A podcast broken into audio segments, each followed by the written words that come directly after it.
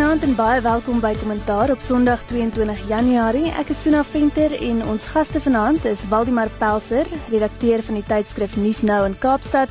Dan in Pretoria het ons vir professor Dirk Kotse van Unisa se departement politieke wetenskap op die lyn en in Potchefstroom het ons vir Theo Venter, uh, hy's 'n politieke kenner van die Noordwes Universiteit. Goeienaand manne. Goeienaand. Goeienaand.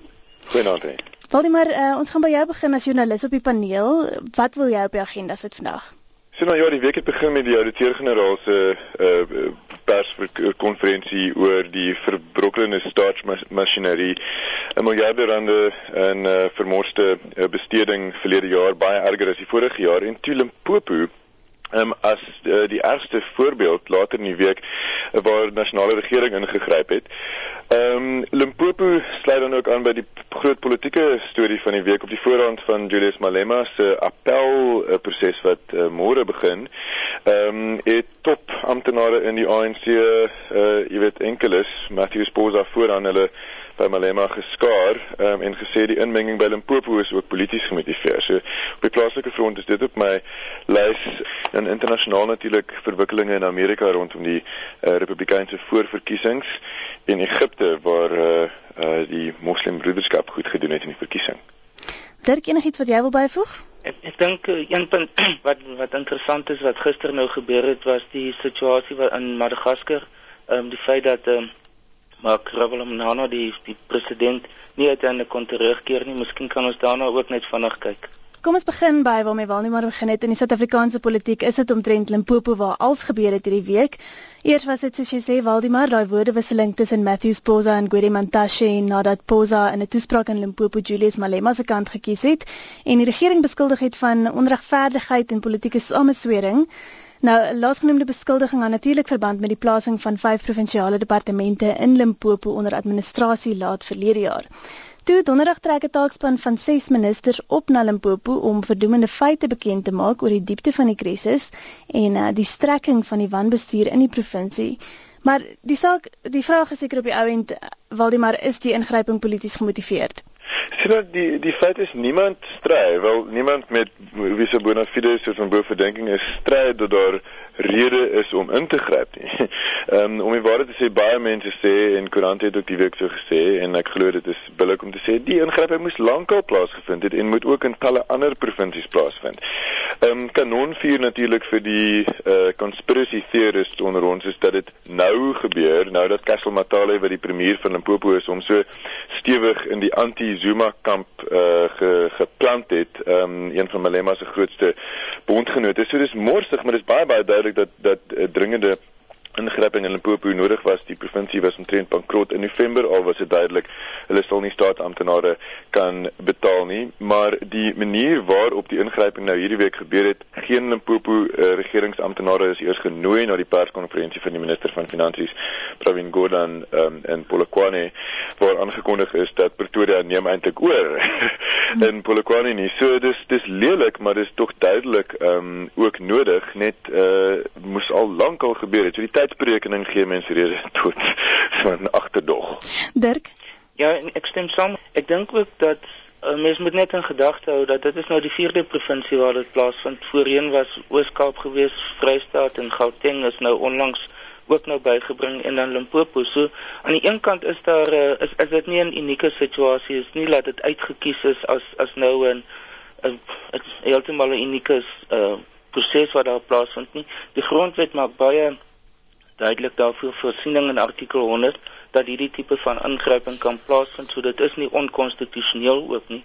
Um, maar ek dink dit is omtrent onmoontlik om te argumenteer dat daar nie 'n politieke dimensie daarbey kan wees nie. Ek dink een van die interessante punte wat hier te sprake is is dat die Limpopo was aan die 2009 verkiesings 'n baie belangrike basis en selfs by Polokwane vir president Zuma gewees. Um, en nou as gevolg daarvan het hy hulle vergoed met 'n hele klomp ministers in die nasionale kabinet soos byvoorbeeld Richard Baloyi, ehm um, soos Aaron Motsoaledi die minister van gesondheid, ehm um, Collins Chabani, Collins Chabani byvoorbeeld die minister mm. van internasionale verhoudinge uh, kom ook daarvandaan. So dit dit gaan interessant wees om te sien waar hulle staan in verhouding tot die provinsiale regering. Mm. En en of hulle dieselfde gevoel van kritiek of inmenging deel as die van die provinsiale regering. So ek dink nie daar's 'n absolute konsensus binne Limpopo oor die feit dat daar dat daar kritiek is teen die inmenging van die nasionale regering nie. Maar dit het ons nog nie gesien wat die werklike reaksie van binne Limpopo gaan wees nie. En dan moet 'n mens natuurlik onthou dat daar ook interne kritiek is van die alliansiebondgenote van die kommunistiese party in Kusatu wat selfs openbare demonstrasies gehad teen die regering en dan die die plaaslike sakemanne het ook bymekaar gekom en 'n organisasie gevorm waarna in die openbaar kritiek uitgespreek gespreek teen die provinsiale regering. So daar's baie faktore wat ek dink bygedra het tot hierdie onlangse inmenging. Toe? So dan ek wil ek wil twee goed bysit. Die een is en Dirk en Waldie maar is heeltemal reg. Dit moes waarskynlik al lankal plaasgevind het en ek is uh, bewus daarvan dat hulle op die oomblik besig is met 'n soortgelyke proses in Noordwes om een of twee van die departemente ook onder administrasie te plaas. Die verskil is ehm um, soos dit word aangewys het uh, dit het al in die Oos-Kaap al lankal plaasgevind, maar nie een van daai ingrypings wat so uh, binne 'n duidelike politieke konteks as ene as die resente drie nie Gauteng, Vrystaat en en Limpopo. Noordwes byvoorbeeld gaan vir ons 'n baie interessante uh, gevalle studie word want die premier van Noordwes is een van die top 6 leiers van die ANC. En ek dink die ingryping in Noordwes gaan baie stil stil plaasvind as ek nou dink uh, hoe die ANC hierdie goed gaan bestuur. Die tweede ding wat my wat my hier pla is binne in die ANC is daar 'n lewendige debat oor die toekoms van die provinsies. En hierdie ingryping is nie sonder politieke konsekwensies vir die pad vorentoe in terme van die volhoubaarheid van provinsies. Daar's 'n skool van denke binne die ANC veral binne die SAKP gedeelte en en en so so meer dat ons die provinsies waarskynlik moet minder maak van 9 na omtrent 5 toe. En twee van hulle is polities duidelik. Hulle wil hulle wil die Weskaap groter maak sodat dit nie so goed lyk in die Weskaap as wat dit op die oomblik lyk nie, want die Weskaap staan uit in terme van goeie bestuur en veral goeie finansiële bestuur. Maar dit gaan nie oor finansiële bestuur. So daar's konsekwensies vir die provinsies, die toekoms van provinsies en ek dink die ding word sonder twyfel ehm um, bestuur in die lig van meneer Zuma se veldtog wat wat lei na Desember maand eers die beleidskonferensie middel van die jaar en aan einde van die jaar die die die, die verkiesingskonferensie. Hoekom is daar so ewige geveg vir beheer van Limpopo? Hoe belangrike provinsie gaan dit wees um, in die leierskapsverkiesingsproses? Wel, Limpopo is belangrik uh, hierdie week wat kom. Ek dink ons het dit in die begin gesê is die appel van Julius Malema. Ehm um, en Julius Malema het 'n betekenisvolle rol begin speel in die ANC in terme van hoe uh, die nasionale leierskap gehanteer word en tot watter mate die ANC jeugliga as 'n substruktuur van die ANC homself gedra of is hy eintlik 'n uh, 'n politieke organisasie op sy eie en 'n groot klomp van die leiers soos Dirk aangewys het is vergoed na Polokwane en sit in die kabinet so Limpopo Limpopo is 'n baie diverse provinsie. Limpopo is waarskynlik die provinsie wat die meeste ehm um, uh konsolidasie moes doen na 94 met die insluiting van die ou uh, blanke administrasie, die insluiting van Lebowa, die insluiting van Venda, die insluiting van Gazankulu, die insluiting van Dirk Jemodel. Ja, daar moet seker vyf of ses ja. komponente wees wat ingesluit is in wat Limpopo vandag is. Dit is eintlik 'n baie moeilike provinsie om te bestuur. Ek wil nou praat oor Julius Malema se appelproses, maar kan ons net 'n bietjie stil staan by die skaal van die wanbestuur in Limpopo, want minister Gordon het eh, die week gesê die provinsie is op koers om teen die einde van die finansiële jaar wat om die draai is, 'n tekort te hê van 2 miljard rand. Hoe gebeur dit dat 'n provinsie so diep in die moeilikheid beland? Ja, ja, ehm um, die ongemagtigde besteding daar het toegeneem tot 2,7 miljard verlede jaar, bedoel van 1,5 miljard in 2009 en dis 'n patroon wat ons in baie van die provinsies en ook uh, nasionaal sien in baie van die entiteite wat ingesluit is in die ouditeur-generaal se verslag dat dit lyk asof uh, jy weet ons nou veral begin het om die wrang vrugte van kaderontplooiing uh, te pluk op 'n skaal wat uh, sedert 94 um, ongekend is. Ehm uh, die ouditeur-generaal verslag het ook gewys 'n 300% toename in ongemagtigde besteding en dit val natuurlik saam nou met 'n bemoedigende proses in die ANC om te sê kaderontplooiing is verby. Ek ek dink dit sluit ook aan by ehm um, die die tema wat wat net op die tafel gesit is dat um, indien daar weggedoen sou word met die provinsies, jy weet hierdie hele tema van kaderontplooiing is verby, die provinsies uh, is dit daar is dalk getel is alles 'n manier ook om mag te sentraliseer. Ehm um, maar nietemin so in Limpopo die die die probleme daar is um, is jare oud. Ek bereken dit moet in verband gebring word met kaderontplooiing en dis gerieflik vir die ANC om um, soos wat nou nou uitgewys is om uh, die provinsies tou te gee, tou te gee, tou te gee om aan te hou met uh, met wanbestuur totdat daar 'n politieke rede is om in te gryp. Dirk Ja, ek dink ek stem in 'n groot mate saam met die verduideliking, maar wat ek dink een van die belangrike punte is is dat Limpopo nou bekend geword as die provinsie wat waarskynlik die mees korrupte is in die hele land. Ehm um, dit word ten minste in die algemeen so daarna verwys. en dan terselfdertyd dink ek is dit 'n feit dat die Finansiële bestuur is 'n gekompliseerde saak. Ehm um, en hulle word tot 'n groot mate as dat toesig van die tesourier se kant en die tesourier het blykbaar op 'n alomlopende basis hulle gewaarsku dat hulle besig is met oorbesteding of wanbesteding of ehm um, besteding wat nie uh, goedkeuring het nie. Ehm um, maar daar is natuurlik die probleem dat provinsies in 'n sekere sin 'n mate van autonomie geniet.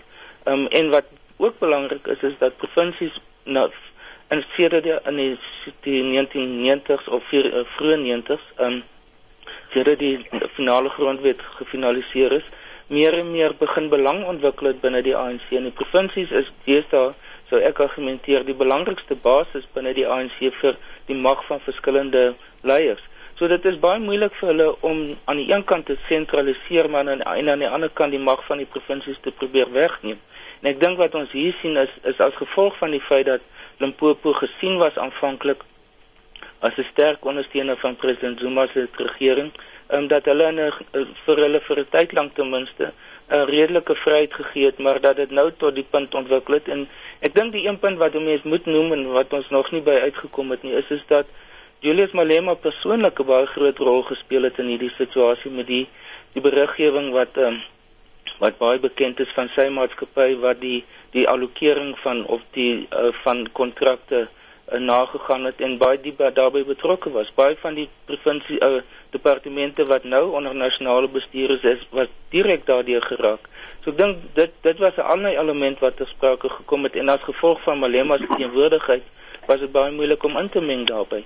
So eers na sy dissiplinêre uh, verhoor het, het dit ek dink die geleentheid nou homself aangebied um, om wel so te begin inmeng. So is beide 'n kwessie van ek dink 'n tradisie of 'n kultuur van korrupsie aan die een kant, dan die feit dat die provinsie tot 'n mate autonomie het en dan die politieke dimensies wat 'n rol gespeel het. Hmm. So nou ek wil net byvoeg by wat Dirk gesê het oor die kompleksiteit. Provinsies ly aan twee siektes. Die een is oorspandering en die ander een is onderspandering. Onderspandering partykeer is 'n groter sonde as oorspandering want in 'n sekere sin moet die nasionale regering pa staan vir wat die provinsies doen, maar die oomblik wat hulle pa staan daarvoor, dan betaal jy natuurlik 'n politieke prys. Die tweede ding wat 'n mens moet sê oor die spandering is provinsies se se begrotings het het het so 3 of 4 groot komponente. Hulle het 'n groot salarisrekening, hulle het 'n groot onderwysrekening, hulle het 'n groot gesondheidsrekening en hulle het 'n groot openbare werke rekening. Dis die vier groot komponente by elke provinsie en dis waar die probleme veral in Limpopo is. En as daardie 4 of 5 groot rekenings van 'n provinsie goed bestuur word, dan word provinsies oor die algemeen goed bestuur. Kom ons gaan aan na Julius Malema se appelproses teen sy skorsing uit die ANC wat môre begin. Dirk, hoe gaan die proses verloop? Soos ek verstaan, is dit ehm um, 'n appel is nie 'n 'n nuwe uh proses van om om na die aanklagte teen hom te kyk nie, maar dit is die appel moet gebaseer wees op die vorige tugverhoor.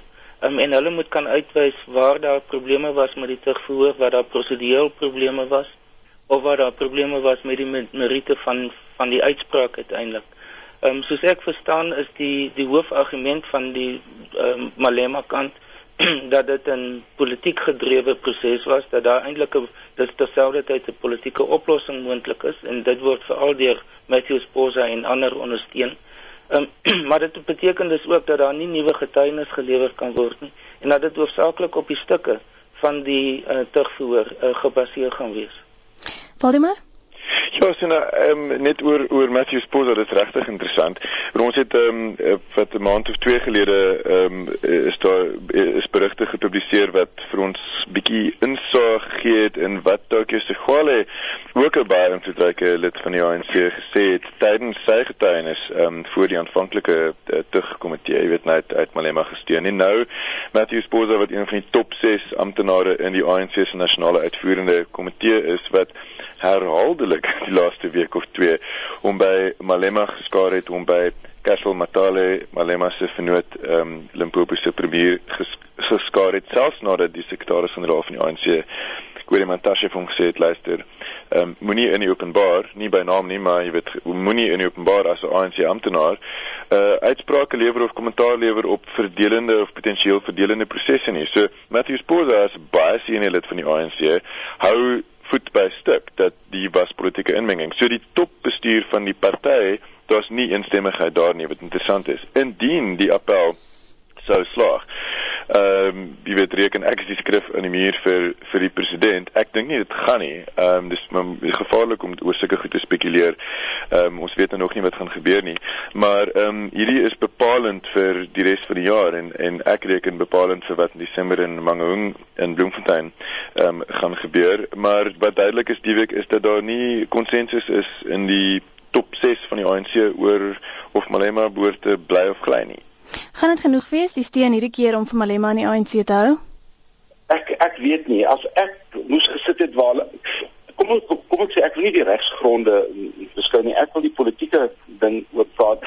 Ek weet nie of die ANC die saak al behoorlik deurdink het wat die konsekwensies daarvan is sê nou maar om Malema se ANC lidmaatskap op te hef nie. Ehm um, as as die media vanoggend reg aangehaal word dan is daar al reeds 'n soort van 'n onrustigheid in Limpopo oor die inmenging en daar moet ouens beskerm word deur die polisie en dies meer. Dit kan 'n dit kan 'n heeltemal 'n ontrafeling in sekere ANC-gedere veroorsaak. Ehm um, ek ek dink net nie hulle het al dooiers gevat op die probleem nie. Hmm. Dis iets wat ek op die agenda wil sit. Ehm um, dis die sogenaamde Zuma vlugskandaal wat ook die week uh, heelwat aandag getrek het en in die koerante was. Vir luisteraars wat wat dit gemis het, die departement van verdediging moes erken dat Zuma twee vliegtye gebruik het in sy onlangse reis na New York vir die VN Veiligheidsraad sessie. Um, die tweede een net vir ingeval iets sou verkeerd gaan met die presidensiële straler en nou sou selfs sprake van 'n derde vliegtyg wat betrokke was. Nou die algemene gevoel blyk te wees dat dat dit 'n mors is van belastingbetalers se geld. Toe wat dink jy?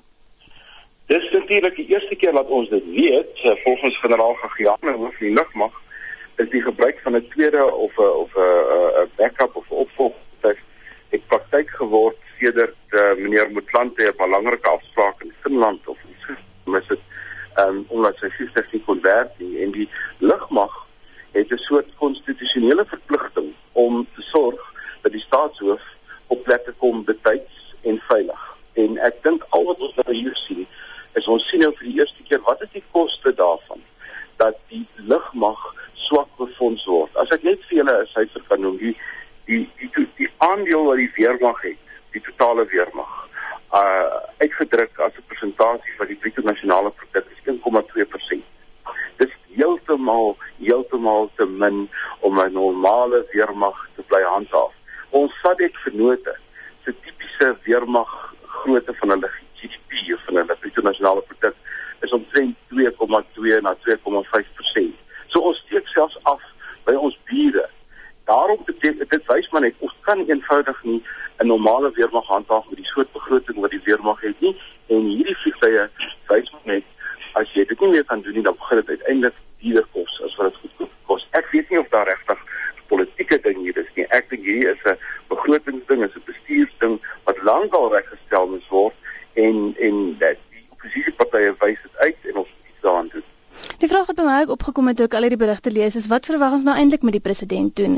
Jy weet ons weet al geruime tyd daar's probleme met Suid-Afrika se BBP vliegtye. Ehm um, die lugmag het gesê hulle wil nuwe langafstand vliegtye aankoop omdat ons nie iets het wat regtig geskik is om Amerika toe te vlieg nie. So jy weet wat moet die president nou eintlik doen? Waldemar, hoe voel jy? Sien nou ja, nee, dis inderdaad so dat die president moet kan kom waar hy wil wees. Ek ek uh, voel ek al jare, jy weet daar's daar's baie voorbeelde ehm um, wêreldwyd van staatshoofde wat uh, lugdienste gebruik waar dit moontlik is. Jy weet waar daar 'n vlug beskikbaar is, ehm um, vat eerste klas besigheidsklas iewers heen. Nou ja, dis nie altyd moontlik nie. Ehm um, dit is inderdaad belangrik in ons uh, land se belang dat die president verpligtinge in die buiteland moet kan nakom. So ek stem saam met wat gesê is, maar ek wil net daarbey aansluit dat ehm um, uh een van die ander gevolge van uh onderbesteding aan die aan die weermag en die lugmag is dat ons aanspraak daarop om in Afrika 'n beduidende rol te speel in uh, die bewaring en handhawing van van vrede ingryping by uh, gewapende konflikte die uh bevegting van seerowery in die ooskus van Afrika en so en al daai al daai maniere waarop ons eintlik ons spiere wil bult ehm um, uh, word beperk deur begrotingsprobleme in die weermag. En Hoeka hierdie week ehm um, probeer ons die res van die vasteland oortuig om ons kandidaat as 'n uh, eh, voorsteur van die Afrika Unie kommissie ehm um, te steun hmm. ehm um, Nkosazana Dlamini Zuma jy weet en een van haar argumente en een van president Zuma se argumente hoeka in New York ehm um, op hierdie omstrede trip was om te sê ons Afrika moet eh, 'n uh, 'n groter rol speel om sy eie probleme op te los. So hierdie goed hou eintlik met mekaar verband. Ja, absoluut. Ek wil nou praat oor ehm um, oor Nkosazana Dlamini Zuma se kandidaatskap vir die AU kommissievoorsitter posisie, maar dit terwyl ons van vliegtye praat, ehm um, die ontsetelde president van Madagaskar, Mark Ravalomanana, se vliegtyg wat gister moes terugdraai na Suid-Afrika waar hy in ballingskap is. Ja, die vredesproses in Madagaskar strek nou oor 'n lang periode. Dit het ten minste begin ten minste in April 2010. Ehm um, een van die belangrikste faktore daarin was dat hy uiteindelik moet terugkeer nadat hy nou vir amper 3 jaar in ballingskap in Suid-Afrika is. Ehm um, dat die as gevolg van die die druk van buitelandse eenhede en veral byvoorbeeld Frankryk en dan ook van die die binneland van die weermag en die sekuriteitsgroepe was dit nog nooit vir hom moontlik geweest om terug te keer nie. Gister was die derde poging van sy kant. Ehm um, uit Vrydag het hy ondersteuning van president Zuma gekry dat hy en hy sê hy het vir myself gesê dat hy verstaan hoekom uh, president Dramani moet terugkeer. Hy, hy was self in die posisie as 'n ANC exile. Ehm um, maar terwyl hulle aan die lug is, uh, het die die burgerlugvaart van uh, Madagaskar op blykbaar op instruksie van Rajwalina die die waarnemend of die oorgangspresident ehm um, die lugruim gesluit die die die lughawe in Tananarivo gesluit waar omtrent volgens berekeninge 'n paar honderd duisend mense was. Um, en moes hulle terugkeer. En dit was ten spyte daarvan dat die voorreg die eerste keer se verbod op sy landing daar dat dit opgehef is. So dit lyk asof daar werklik probleme is met Suid-Afrika en veral SADC die SADC Organ on Politics Defence and Security Cooperation se invloed in die oorgangsproses want dit word bestuur deur president Zuma aan die een kant en dan die mediator is president die voormalige president Chisano van Mosambiek. Um en dat hulle net nie die deurbraak kan maak nie. Dis soos ek sê, dis die derde keer wat dit probeer het en uh, hy moet nou ter, terugkom Suid-Afrika toe en dit gaan baie belangrik wees om te sien wat die volgende stap is want Mosambiek, uh, Madagaskar en Zimbabwe is nou in 'n groot mate aan mekaar gekoppel. Dit is die twee groot belangrike vredesprosesse waarmee president Zuma besig is. Um, en as hy nie hiermee sukses kan behaal nie en Madagaskar is in 'n sin minder gekompliseerd as Zimbabwe, dan gaan dit ook uiteindelik 'n refleksie wees op Suid-Afrika se vermoë om binne sy eie omgewing in Suider-Afrika spesifiek belangrike probleme te kan oplos. Um, so dit sluit tot tot 'n mate selfs aan by wat ons nou net oor gepraat het oor die uitreikingsvermoë van van 'n president via die vliegtye wat beskikbaar is. Ehm um, maar die rol wat Suid-Afrika kan speel en nou ook die verkiesing moontlike verkiesing van min, minister Dlamini Zuma as as die uh, kommissie AI kommissie se voorsitter kan natuurlik ook hier te sprake kom want uiteindelik is dit in 'n groot mate wie die belangrikste invloed in hierdie situasie is dit Frankryk of is dit Suid-Afrika? En dieselfde in die geval van Jean Ping. Jean Ping kom uit Frankofoon Afrika uit hy het die ondersteuning van die Franse gemeenskap en gaan hy uiteindelik die dominante steun kry in Afrika of gaan Suid-Afrika dit kry? Weet dit is die dis die 100 jaar 100 jarige herdenking van die ANC as 'n politieke organisasie.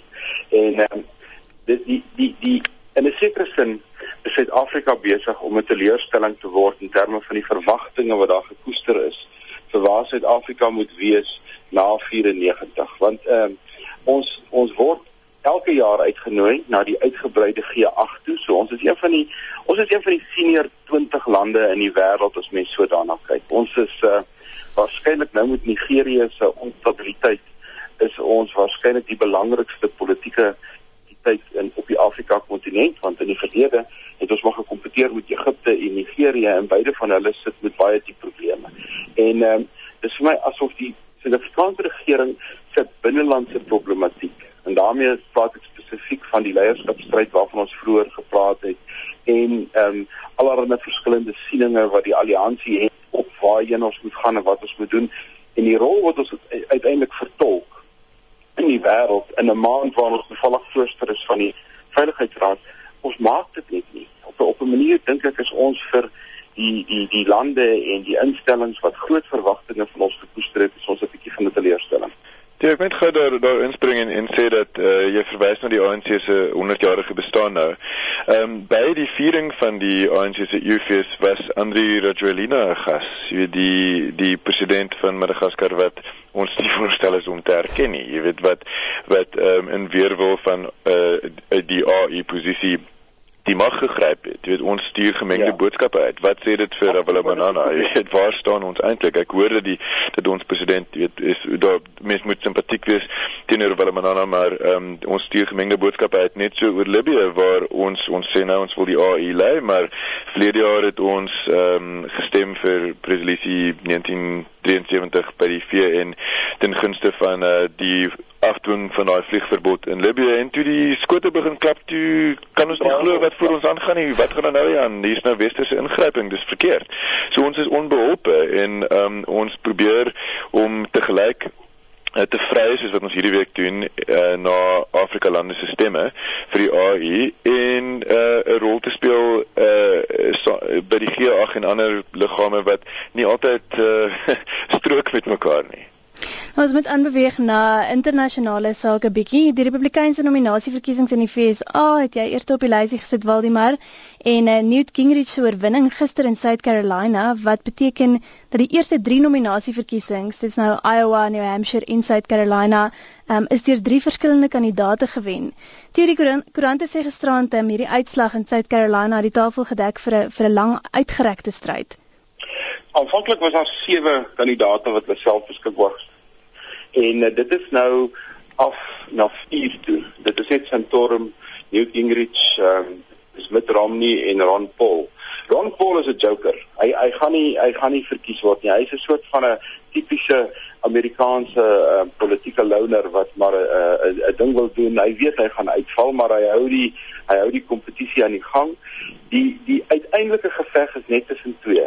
Dis Mitt Romney wat 'n soort ehm um, verligte maar godsdienstige ehm um, soort van komponent is ehm um, van die Republikeinse party teenoor Newt Gingrich wat 'n konservatiewe en onlangs ehm um, hernieude godsdienstige belangstelling ontwikkel het want hy het 'n uh, hy het lyk my na sy derde huwelik het hy ook 'n rooms-katoliek geword hy was van tevore 'n Southern Baptist wat almal maar is wat van Georgia afkom so dis die kompetisie is tussen daai twee die vraag is wat die Republikeine hulle self moet afvra watter een van die twee Mitt Romney of Newt Gingrich is 'n waardige kandidaat vir Obama want as die Republikeine verkeerd kies in hierdie proses wat nou vorentoe gaan, dan ehm um, word Obama se herverkiesing eintlik 'n gegewe.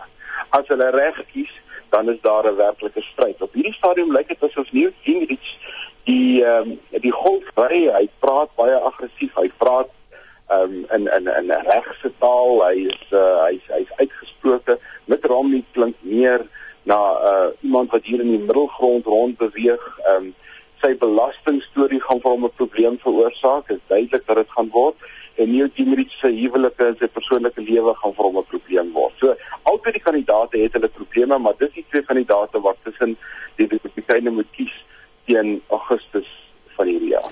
Dirk en Waldemar, ek wil nou hoor wat wat julle dink, maar dis miskien nie die moeite werd om op te merk dat die persoon wat South Carolina gewen het sedert 1980 sonder uitsondering aangegaan het om die nasionale republikeinse nominasie te wen. Waldemar Ja, sien maar hierdie is regtig 'n morsige en baie interessante stryd. Ek bedoel, onthou nog vir Herman Cain wat uh, jy weet, skaars 'n maand ses weke gelede bo aan die uh, meningspeilings in die Republikeinse resies was en nou ehm um, as hulle sê ancient history is.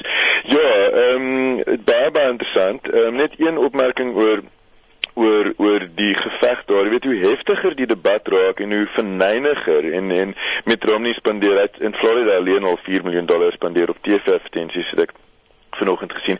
Hoe heftiger hierdie uh, debatte is, hoe meer vervreem jy 'n uh, gematigde kiesers, jy weet en, en onafhanklike kiesers wat wat ehm um, jy aan jou kant wil hê uiteindelik in die groot stryd wat eers einde volgende jaar aanbreek. En in een van die ehm um, berigte oor die naweek in die New York Times vanoggend is gesê dat amper 50% dink ek van van ehm um, ja, die helfte van kiesers in South Carolina het eers op die laaste oomblik besluit vir wie hulle gaan stem. So ja, dis 'n gevaarlike speletjie. Ehm um, maar die een voordeel hiervan, anders as wat ons in Suid-Afrika het waar dit van taboe is om openlik te praat oor leierskaps stryde en so aan is dat al die kwessies word op die tafel gesit en word woes gedebatteer lank voordat mense in die eintlike stembus gaan staan einde volgende jaar en dit is sekerlik goed vir demokrasie. Dik 'n opmerking 'n opmerking wat wat baie mense maak as mense nou gesels oor die Republikeinse nominasieverkiesings, ehm um, dan sal iemand baie gereeld die opmerking maak dat die debatte so oppervlakkig is. Jy weet wie het gevra vir 'n oop huwelik, wie het wat gerook toe hy jonk was, al daai dinge. Ja, wel dit is natuurlik die die aard van Amerikaanse politiek nou vir baie lank ja. tyd. Ehm um, en ek dink wat belangrik is vir die vir die kiesers ehm um, op op hierdie stadium is dat hulle moet 'n geloofwaardige uh, kandidaat uiteindelik vir hulle party kan identifiseer want as die die voorverkiesings nou verby is teen Junie en dan die konferensie in Augustus uh, dan ont, ontwikkel die werklike verkiesing tussen die demokrate en die en die republikeine en as enige ge, geraamte dan uitkom dan is dit natuurlik fataal. So hierdie is eintlik 'n vooraf proses om te probeer seker maak dat daar so min as moontlik probleme is. Maar ehm um, en ek dink wat uit die aan die Amerikaanse politiek is die fokus so baie op die individu en nie noodwendig die politieke party wat hulle verteenwoordig nie. Ehm um, dat die die persoon se hele lewensgeskiedenis eintlik te sprake kom en wat mense dus probeer kyk of daar enige swakpunt is of wat is die persoon se se sterkpunte ook wat natuurlik relatief verskillend is van ons in maar dis tipies van 'n president 'n direk verkose presidensiële stelsel. Ehm um, waar die wat al die klem op die persoon self is en hy eintlik of sy uiteindelik nie aan die aan hulle politieke party of aan die parlement verantwoordelik is nie, maar direk aan die kiesers. Ehm um, ja. en dis hoekom hulle ook nie teruggeroep kan word soos wat hulle byvoorbeeld met president Mbeki gedoen het nie. Hm. Ehm um, ek ek dink mense moet net miskien in terme van perspektief ook sê dat dis nog baie vroeg in die verkiesing. Ehm um, dis die eerste verkiesing wat in die suide plaasgevind het. Iowa en New Hampshire is meer na die noorde toe. En dis as, ek dink as gevolg daarvan het Gingrich nou na vore getree. In die vorige twee was hy heel laaste geweest. En dan die die twee werklik belangrike verkiesings gaan wees in Texas en Kalifornië, want hulle het die meeste ja, afgevaardigdes ja. wat na die konvensie toe gaan uiteindelik. Um, en dit gaan eers in in die geval van Kalifornië eers in Junie wees. Um Texas is 'n bietjie vroeër en dan op die 6de Maart gaan 'n baie belangrike datum wees want dit is wanneer 11 verkiesings, 11 voorverkiesings gelyktydig gaan plaasvind. So Ek dink ehm um, hoewel Gingrich op die oomblik sterk lyk, is daar nog baie water wat in die see gaan moet loop voordat ons werklik by die punt gaan kom van wat ons kan sê hierdie persoon lyk na die die voorloper in die proses. Hmm, ons moet begin klaarmaak, maar kom ons hou net vinnig ons eie klein meningspeiling hier net in die vorm van 'n ja of nee antwoord. Ehm um, dink julle daar's enige Republikeinse kandidaat wat die potensiaal het om vir Barack Obama te klop in November? Waldemar? Uh ja. Toe. Ja, die ekonomie. Dit ek dink dat die Republikeine is, is baie verdeeld op die oomblik en uh, terwyl as mens kyk na die proses binne die Republikeine uh, Demokratiese Party, dis baie presidensieel van aard en dit lyk asof daar eintlik geen kompetisie vir president Obama is nie. So ek dink hy gaan heel waarskynlik dit kan maak. Nou Net een laaste ding miskien op die agenda Waldemar wat jy opgesit het en dit is die ehm um, die verkiesing in Egipte waar die Moslimbroederskap ehm um, waar gister aangekondig is dat in die eerste fase het die Moslimbroederskappe oorweldigende meerderheid gewen. Ja, dit lyk my amper die helfte van die stemme is deur hierdie koalisie ehm um, ge, ge, ge gewen waar waarvan die moslimbroederskap deel is. En ek dink ehm um, natuurlik die weste hoop op 'n op 'n gematigde uh, regime in Egipte die die groter onmiddellike vraag daar is amper nie hoe fundamenteel of hoe fundamentalisties islamities die regering gaan wees nie maar wat die weermag gaan doen. En en uh, ons het gesien nou 'n week of twee gelede het Mohammed al-Baradei wat wat gesien is as 'n baie ehm um, uh jy weet as 'n as 'n uh, gematigde en en en en goeie kandidaat vir vir die presidentskap om onttrek het aan die hele proses ook in protes teen die rol van die weermag. So die ek dink alle oë is nou op wat die die raad van die gewapende magte en so aan daar gaan doen en wat hulle reaksie gaan wees. Nou dit is nog 'n baie lang proses. Dit is nog nie naaste by die die die einde hierdie nie. Absoluut, inderdaad. So die die verkiesingsdae is baie baie uitgereik, maar dis natuurlik ook deel van 'n reeks verkiesing in uh in in lande wat verlede jaar ehm um, uh getref is deur uh, die um, revolusies in Noord-Afrika. So Tunesië het nou reeds 'n nuwe regering en Egipte en dan kyk ons maar wat in Libië ook gebeur. Hm. Nou, ons moet ongelukkig klaarmaak. Baie dankie uh, aan die drie gaste, Waldemar Pelser, hy's redakteur van die tydskrif Nuus Nou, professor Dirk Coetzee van Unisa se departement politieke wetenskap en in Potchefstroom Theo Venter, politieke kenner van die Noordwes Universiteit. Goeienaand. Goeienaand. Goeienaand. Baie dankie Sina.